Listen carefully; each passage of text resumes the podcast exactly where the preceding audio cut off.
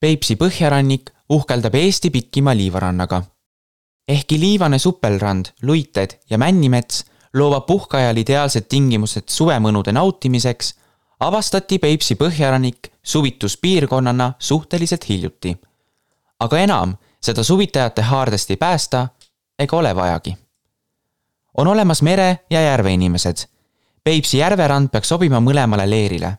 Esiteks tekitavad pehme liim ja rannamännid tunde, et oledki mere ääres.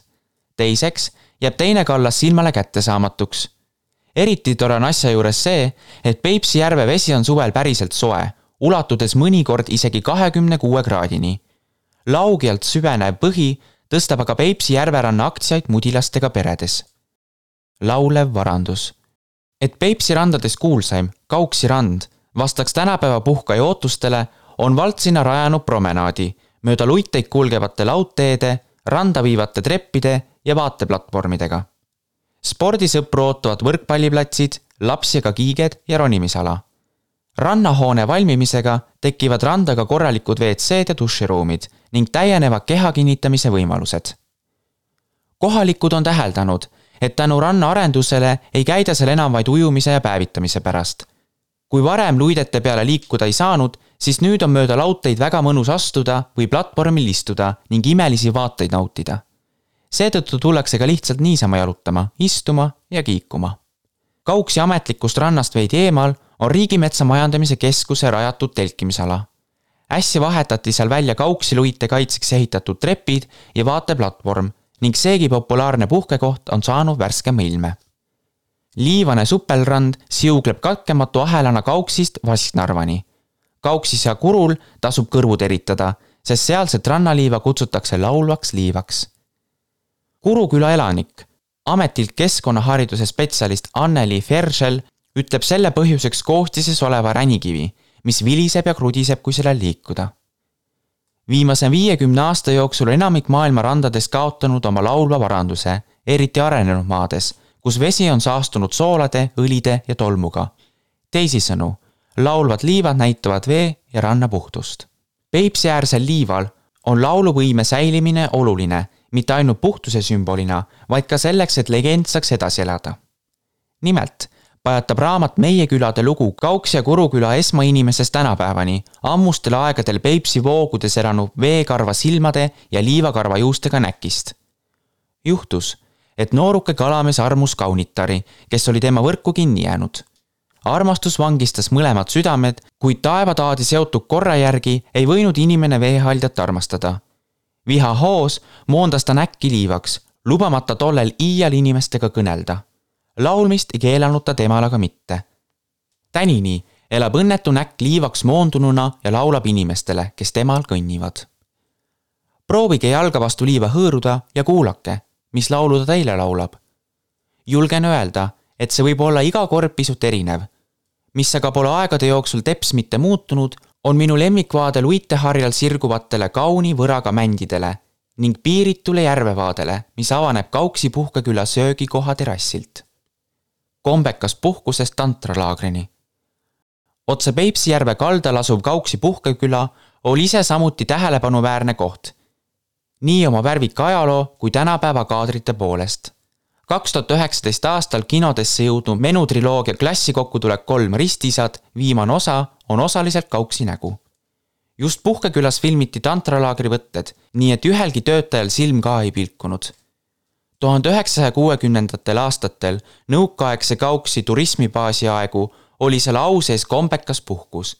Tuusikuga puhkajatele tagati toit ja öömaja telgis ning moraalilippu hoiti kõrgel. telgid olid neljakohalised, aga abielupaare kokku ei pandud. suure surmaga sai vahel kaks abielupaari ühte telki majutatud. aga kui olid erinimalised, siis kokku panna ei tohtinud, see oleks olnud kuritegu, on meenutanud Hilju Pärn, kes töötas algul turismibaasi sööklas hiljem lapsehoidja ja majandusjuhatajana. telgid ise olid presendist, puust alusel ja puidust raamiga ning käisid kinni nööpidega. Sealtsamast Kauks ja Kuruküla raamatutest saab veel teada, et näiteks tuhande üheksasaja kuuekümne kuuendal aastal võttis Kauksi turismibaas vastu sada viiskümmend tuusikuga ja kolmkümmend tuusikuta matkajat õhtutundidel näidati turismibaasis viibijatel filme ja korraldati kultuuriüritusi oli olemas võrk ja sulgpalliväljak, sai mängida lauatennist, koroonat ja piljardit. lõbusõiduks võis üürida paate ja veejalgrattaid, õpetati matkatarkusi, korraldati laevasõite ja reise lähiümbrusesse. turismibaasis oli isegi oma raamatukogu, postkontor ja telefoni kaugjaama putka. arst oli samuti kohapeal olemas traditsiooniks oli hommikuvõimlemised, mida korraldati tervele laagrile korraga. pandi muusika mängima ja valvinspektor viis võimlemise läbi. puhkus ametlikus turismibaasis oli nagu pioneerilaagris. öömaja valik laieneb. Kui nõukaajal oli majutamisvõimalused Kauksis piiratud, siis nüüd leidub midagi igale maitsele ja rahakotile. Kauksi puhkekülas saab endiselt nostalgilist ja lihtsat majutust aga sinna on kerkinud ka tuttuued ja mugavustega rannamajad. kes otsib turismitalu hõngu ega eelda, et peab saama toast varbad järvevetta pista, võib kiigata Kauksi puhkemaja poole, kus pakutakse ehedat toitu ja peavarju aasta ringi. Kauksi puhkemaja tegutseb kahe tuhandest aastast ning turismijäri alustasid Piret ja Aivar Talistu tühjalt kohalt. Aivari vanaema kunagisse kodutallu kolides oli vaja millegiga tegeleda ja kaunis Peipsi põhjakallas mängis turismi jaoks trumbid kätte praegu on raske uskuda, et suur heakorrastatud tiigiga krunt oli enne troostitu paik, kuhu ei viinud isegi teed.